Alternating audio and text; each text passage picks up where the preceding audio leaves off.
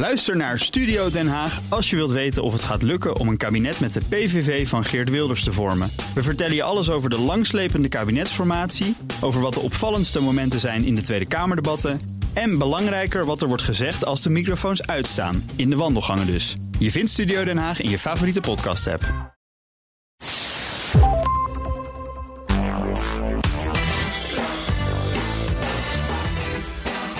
Welkom bij de Ben Tichelaar podcast bij BNR, de podcast over persoonlijk leiderschap. Elke week hebben we nieuwe tips en inzichten van nogal inspirerende gasten die je helpen om je verder te ontwikkelen in je werk en de rest van je leven. Mijn naam is Ben Tichelaar en mijn gast in deze aflevering is Hilke Faber. Hilke, welkom. Wat mooi dat je er bent. Fijn er te zijn, eh, Ben. Ja, precies. We zitten uh, uh, op afstand van elkaar, want ik zit in Amsterdam en jij zit in Seattle, begrijp ik, hè, op dit moment. Ja, dat klopt. Dat klopt. Dat is een behoorlijk, behoorlijk tijdsverschil. Jij zit waarschijnlijk in de ochtend en wij zitten in de avond op dit moment. Precies, precies. Het is ongeveer een, uur of negen bij mij. Ja, je woont daar, je woont, je werkt in de Verenigde Staten al zo'n 30 jaar, maar je bent in Friesland geboren. Uh, je hebt jarenlang in New York als consultant gewerkt in de strategie, organisatie en cultuurontwikkeling. En toen heb je het roer omgegooid. Kun je daar kort iets over vertellen? Ja, nou, ik, ik kwam in New York aan. Ik zag die grote gebouwen. En ik denk van, daar moet ik het gaan maken. Niet als toerist, maar als zeg maar een soort eigenaar. Ik moet eigenlijk zorgen dat ik zo snel mogelijk uh, in het top van die grote gebouwen uh, terechtkom. Um, en ik heb heel hard gewerkt en heel hard ge, ja, geploeterd zeg maar, om zeg maar, in die, ja, die zakenwereld van management consulting naar strategie consulting naar de bovenkant te komen. Ja. En op een gegeven moment, ja, toen, toen zei mijn lichaam zoiets van, nou, wacht eens eventjes, hier klopt iets niet. Dus ik kreeg astma en ik kreeg slapeloosheid en dat soort dingen. En op een gegeven moment ontdekte ik uh, meditatie.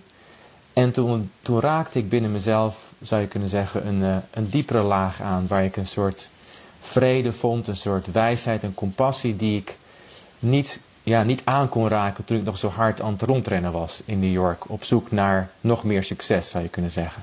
Het is wel heel interessant, hè? Want, want dus een, een, echte nuchtere Vries, denken wij dan als, als Hollanders. Eh, daarna uh, strategie consultancy in New York. Eh, nadat je hier in Nederland Nijro had gedaan. En later eh, nog aan John Hopkins had ge, gestudeerd hè, in de, de VS, als ik het goed heb begrepen. Mm -hmm. En uh, uiteindelijk dus uh, in de band gekomen, zou je kunnen zeggen, van meditatie. En tegenwoordig zie ik hier, uh, ben je leider van het Growth Leaders Network. Je doseert ook aan Columbia Business School. je bent ook leiderschapscoach. En je hebt een boek geschreven, dat is misschien een beetje de aanleiding ook dat we nu met elkaar spreken. dat boek heet Taming Your Crocodiles, Unlearn Fear and Become a True Leader. in het Nederlands vertaald als Tem de Krokodil. Dus net verschenen ook hier in Nederland. En we gaan het met elkaar ook deels over dat boek hebben. Natuurlijk ook over jouw ervaringen. Um, je zegt, uh, ik liep echt tegen een grens aan in mijn werk in uh, New York. En ben je toen ook gestopt met dat werk? Heb je toen ook alles omgegooid? Hoe moet ik me dat voorstellen? Ja, ik, ik ontdekte eigenlijk dat die, die omschakeling heel veel vriendelijker was dan mijn, uh, mijn hoofd dacht denk van nu moet het helemaal anders. Dus ik dacht, dacht eerst van dan word ik maar eens uh, monnik of zo. en ik had nog steeds dat soort prestatiedrang. Dan, dan, dacht ik van dan word ik nog maar een betere meditatieman dan uh, de Dalai Lama of zo. En dan nog ja. steeds zorgen dat ik naar de top zou kunnen drijven. En toen uh, op een gegeven moment had ik een, een coach. En die vroeg mij toen van en waar ren je dan nu voor weg Gielke? He, je bent nu uit Nederland vandaan, je woont in Amerika. Um, waar ben je nu op, waar, waar, waar vlucht je voor? En toen op een gegeven moment dacht ik van, nou, dat is misschien ook wel waar. Ik, ik voel me ook wel thuis in het zakenleven. Misschien hoef ik daar helemaal niet uit vandaan te gaan. Misschien kan ik de mensen die in dat zakenleven werken, net zoals ik zelf, uh, kan ik die helpen om die diepte in zichzelf aan te raken, die ja, veel meer energie geeft, die wijsheid geeft, die compassie geeft, die verbinding geeft, die creativiteit geeft. Hoe zou dat zijn? En toen ben ik coach geworden op dat moment. Ja, ja, ja. Zo is dat gegaan. Eigenlijk een beetje vanzelf, zou je kunnen zeggen.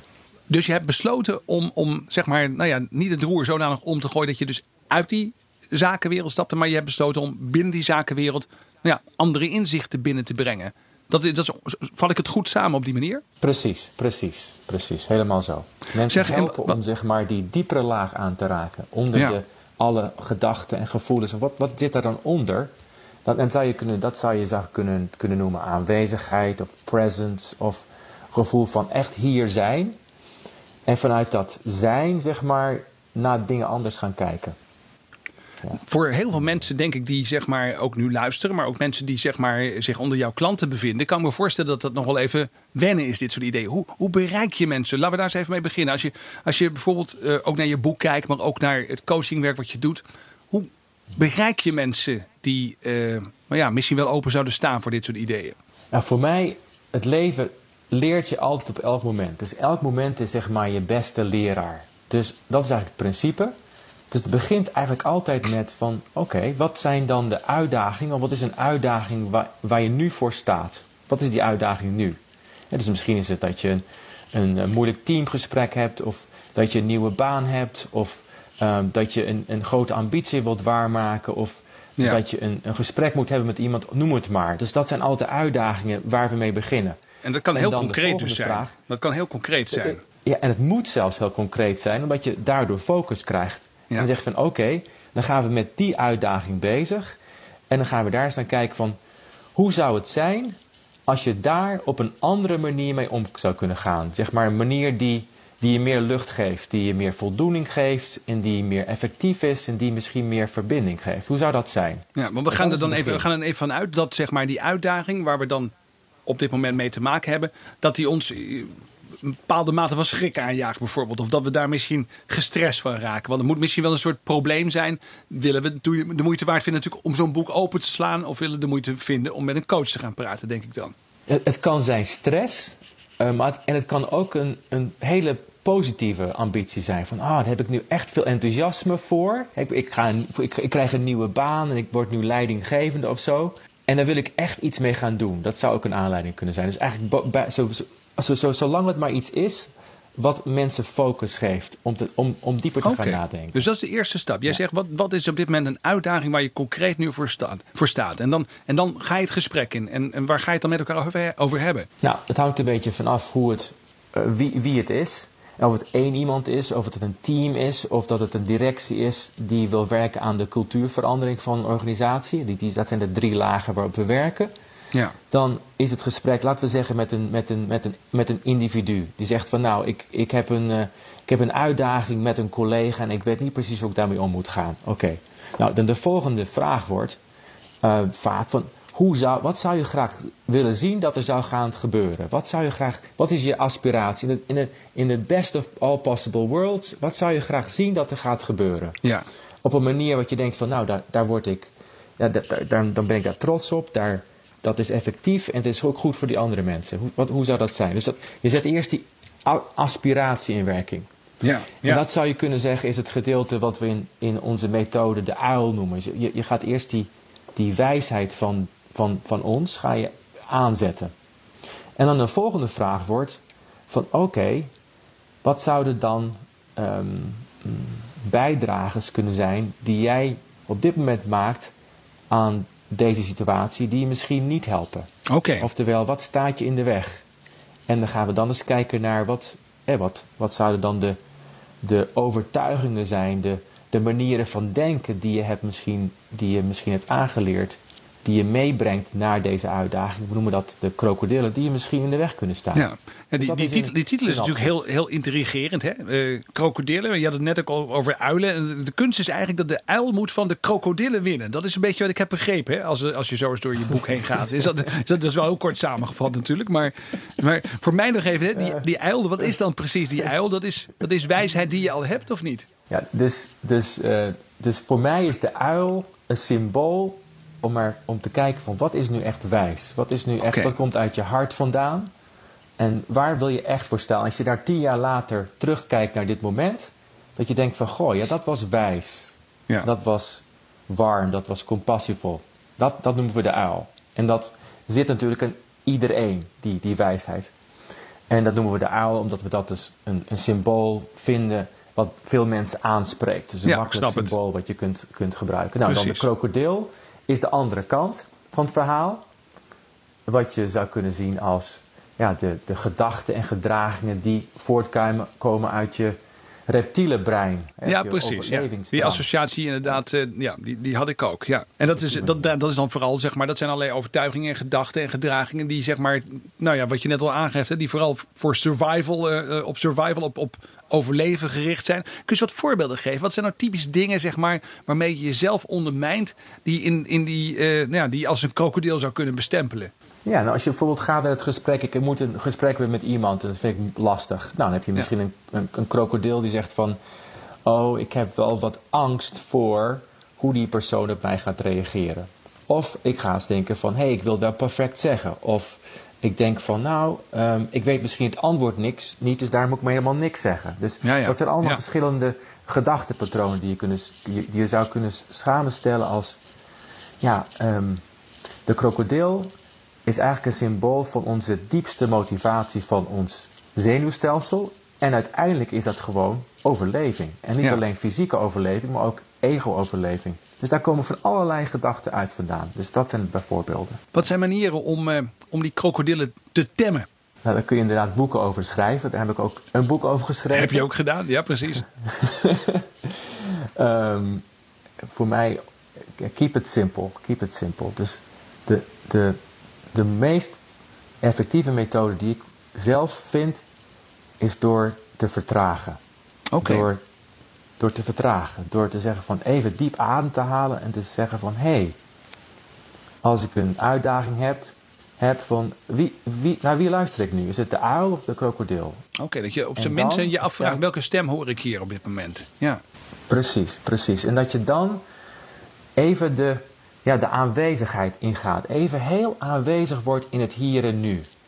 En alle gedachten even laat gaan, zeg maar. Eventjes het, het lichaam weer ingaan. Van oké, hoe voel ik me nu?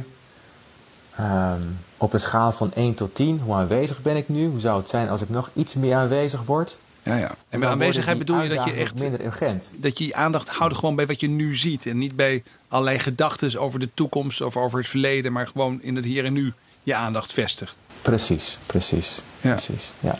En waarom helpt dat? Wat, wat, wat doet dat met je als je, als je dat doet? Wat, uh, waarom levert dat iets op? Kun je dat uitleggen hoe dat werkt? Ik denk dat er verschillende manieren zijn om dat uit te leggen. Voor mij hoe het werkt is, die krokodil is heel druk. Dus die maakt ene verhaal naar de andere. Net zoals je, als je een Netflix-episode ziet, dan, en dan heb je de volgende episode begint alweer in vier seconden. Als je die pauzeknop indrukt. Ja? Dus, dus dit is voor mij eventjes, je, je, je drukt even de pauzeknop van je zenuwstelsel in. Want je zenuwstelsel is altijd bezig met verdediging, tenminste de, het, het primitieve gedeelte. Ja, ja, ja. En je, en je, en je gaat je daar eventjes, je, je creëert even afstand ervan. Je, creëert eventjes, je zet jezelf even op een, op een andere frequentie, zou je kunnen zeggen. Oké, je zet de radio even uit. Je gaat de stilte even in van jezelf. En net zoals je bijvoorbeeld je vakantie hebt gehad, dan, dan zijn die problemen die bijvoorbeeld voor de vakantie nog heel groot leken, ja. na de vakantie opeens ja, best wel manageable. Je geeft je even zelf een, een mini-vakantie, zou je kunnen zeggen. dat is mooi gezegd inderdaad. Ja, een soort mini-vakantie. Dat is dat vertragen, die pauzeknop en die vakantie. is allemaal metafoor om aan te geven dat je inderdaad...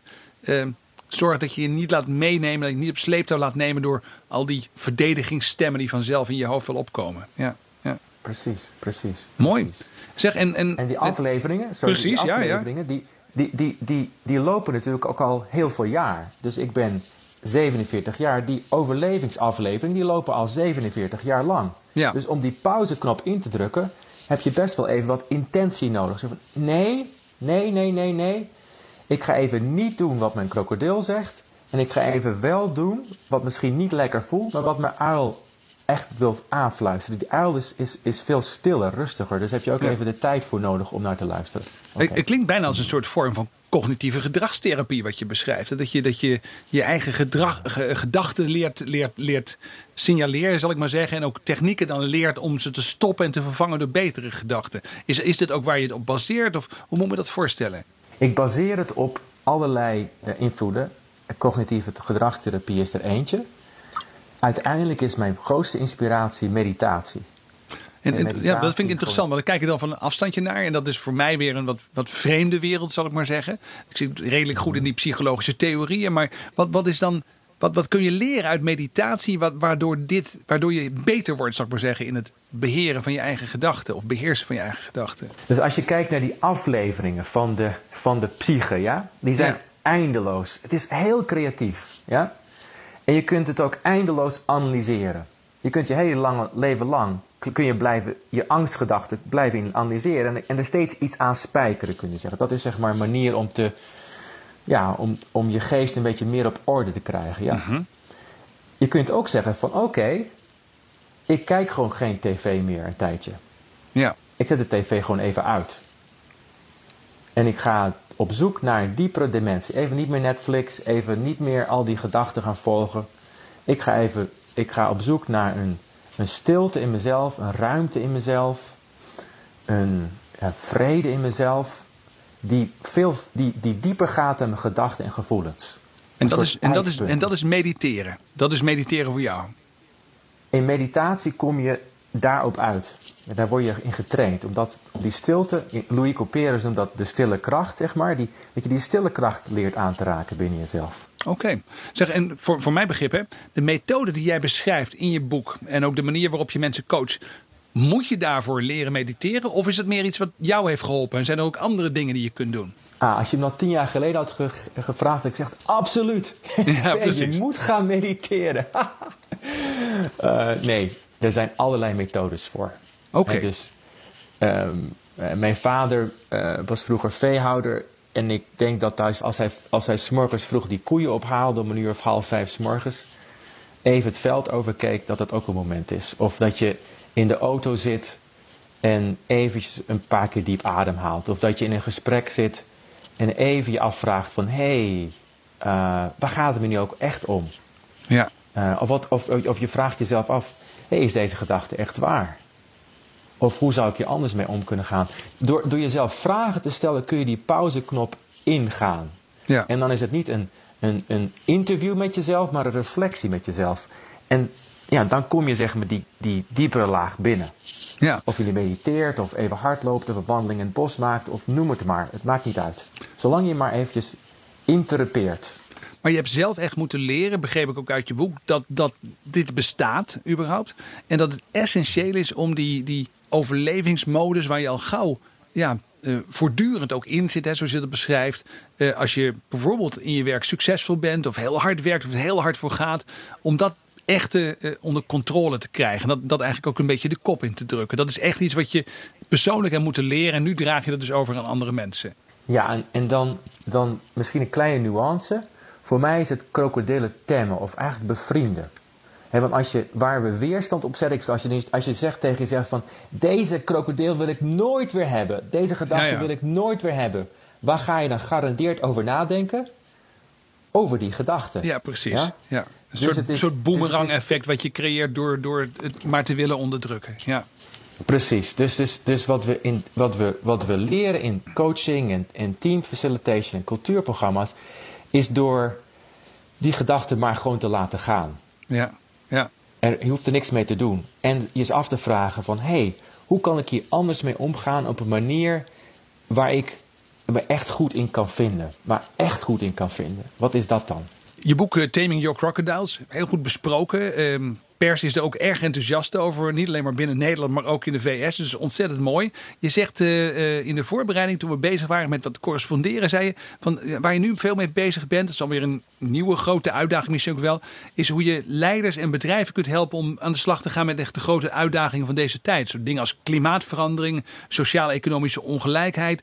Ehm, dat is interessant, maar het is wel weer een hele grote volgende stap. Van waar die ambitie? Ja, ik woon, ik, toen ik vroeger jongetje was, en dan keek ik naar de televisie en dan zag ik mensen in Zuid-Afrika wonen, eh, in Wit-Zuid-Afrika, naast de zwarte townships. En ik dacht, hoe kan je nou dat doen? Hoe kan dat dan? Ja. Hoe kan je nou zo leef- leven? En nu ben ik 47 en ik woon in een land met ja, heel veel ongelijkheid. In een wereld met heel grote problemen. En ik kan net doen alsof dat allemaal niet bestaat. Dus ik kan naar mijn werk doen, ga, ik kan mensen helpen. En wat ik zie in grote bedrijven is dat daar in het werk wat we doen, dat we daar inderdaad een meer constructieve cultuur creëren. Dat we daar teams dichter bij elkaar brengen. Dat we mensen helpen om meer in hun wijsheid en compassie te gaan zitten. Mhm. En dan kijken, ze, kijken we op een gegeven moment, en als naar een managementteam of directie, naar oké, maar waar, waar, waar, waar gaat het bedrijf dan over? En dat is een moeilijke vraag, want het bedrijf heeft natuurlijk een, een winstoogmerk. Ja. En Wall Street of de Stock Exchange zit er achteraan. Die wil zorgen van, hé hey jongens, we moeten toch winst maken. Er moet geld verdiend worden, ja, precies. Ja. Er moet geld verdiend worden.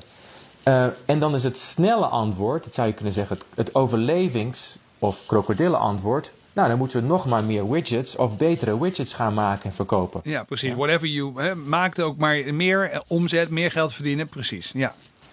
En, da- dan, dan- en, en, als je nu kijkt in, in, in de tijd waar we nu leven, ja, dan, eh, dan krijgen we een klimaatrapport. Dat zegt eh, nog, nog 12 jaar en dan gaat het knopje om. Hè, of of eh, sociaal-economische verschillen die steeds groter worden. Ja. Waar je eigenlijk denkt van nou, als ik mensen vraag van hé, hey, ehm, hmm, denk je dat het goed komt met de wereld? Dan wordt het percentage van de mensen die, dat, die daar ja op zegt steeds kleiner. Ja. Ja. En dan denk ik van ja, dat is hartstikke mooi. En wat doe ik daar dan aan? Wat doe ik daar dan mee? En, en, en dus mijn, mijn ambitie, niet een grandioze ambitie, maar een hele bescheiden ambitie is, is om daar over die vraag, wat doen we daar dan mee?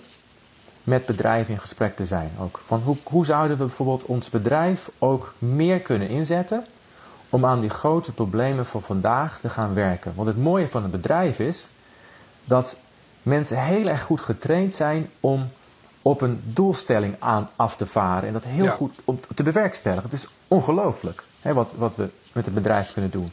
En hoe zou het zijn als je diezelfde spier die, ge- die getraind is, ook in zou kunnen zetten om te werken aan klimaatverandering of sociale eh, ongelijkheid, et cetera. Dus daar, Ja. daar, daar ben ik mee bezig op een hele bescheiden manier. Maar ik voel wel dat je, dat je zegt dat is eigenlijk wel een verantwoordelijkheid die je voelt, die eigenlijk ook wel voor meer mensen geldt die in het bedrijfsleven actief zijn. Bijvoorbeeld als trainer of als adviseur of, of gewoon als leidinggevende bijvoorbeeld. Ik schrijf niemand iets voor. Dus ik, ik, ik, ik, ik, ik, ik gebruik het principe love, letting others voluntarily evolve. Oké, letting others voluntarily evolve. Oh, dat is wel heel mooi. Ja, die kende ik nog Ja. niet. Ja. Ik ben helemaal aan het begin van deze reis. Ik heb geen conclusies voor anderen. Ik weet wel dat ik hier zelf hiermee, iets mee moet. ja. Eh, Ja. En wat dat is, dat is zeg maar mijn volgende hoofdstuk wat ik niet heb geschreven. Dus daar ben ik mee bezig. Dat gaat nog komen. Ja. Ik, heb, ik Ja. heb twee afrondende vragen waar ik graag eh, ons gesprek eh, ja, nu een beetje naartoe wil proberen te migreren. Ehm, Oké, oké. Ik heb een verrassende vraag voor iedere gast in mijn podcast. En die verrassende vraag die komt uit een envelop. We hebben 15 enveloppen hier liggen. En zou je mij een nummer kunnen geven van 1 tot en met 15 waarvan je zegt dat vind ik wel een mooi nummer? Dan pak ik de envelop en dan zit daar een verrassende vraag in. Hmm, nummer 7. Nummer 7.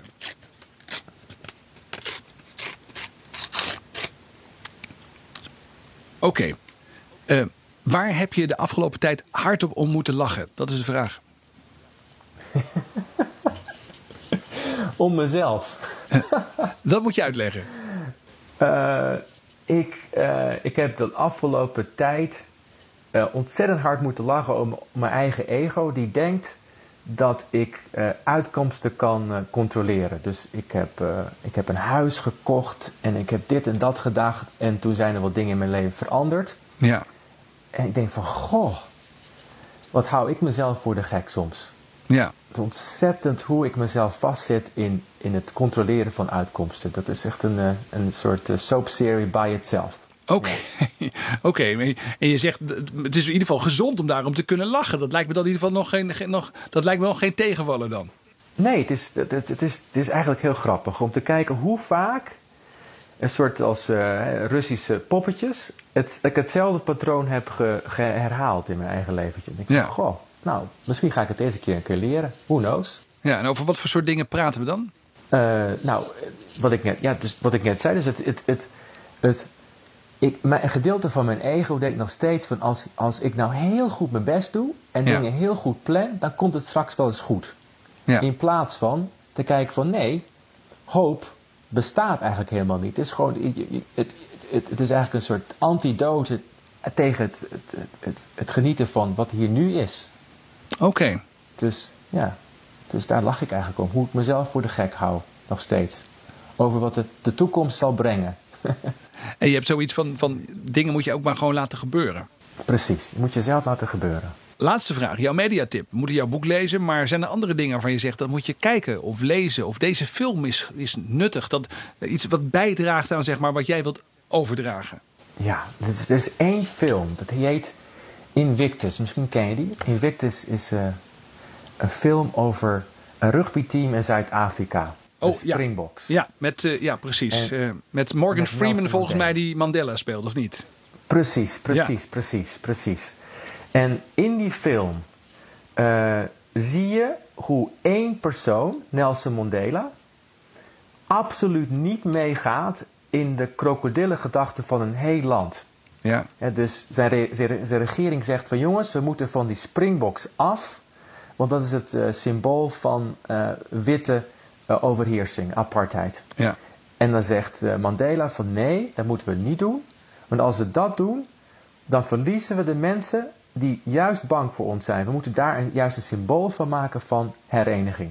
Nou, dat soort denken, dat vind ik waanzinnig inspirerend. In die film kun je ook zien hoe je dat kunt doen ja, met jezelf en met een team en met een organisatie. Mooi, dankjewel. Mooie tip. Ik heb hem ooit gezien, maar je brengt hem in herinnering. En het is inderdaad een prachtige film. Sowieso heel veel dank, Hielke Faber, voor het delen van jouw inzichten, van je ideeën met ons. Heel fijn dat je te gast wilde zijn. Ik vond het fijn om met je te spreken, Ben. Dank voor je mooie vragen. Dankjewel.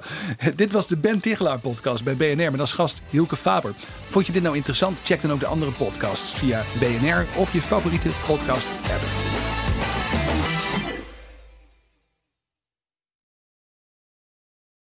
Ook Harm Edens vind je in de BNR-app. Je kunt BNR Duurzaam niet alleen live luisteren in de app, maar ook terugluisteren als podcast, zoals al onze podcasts.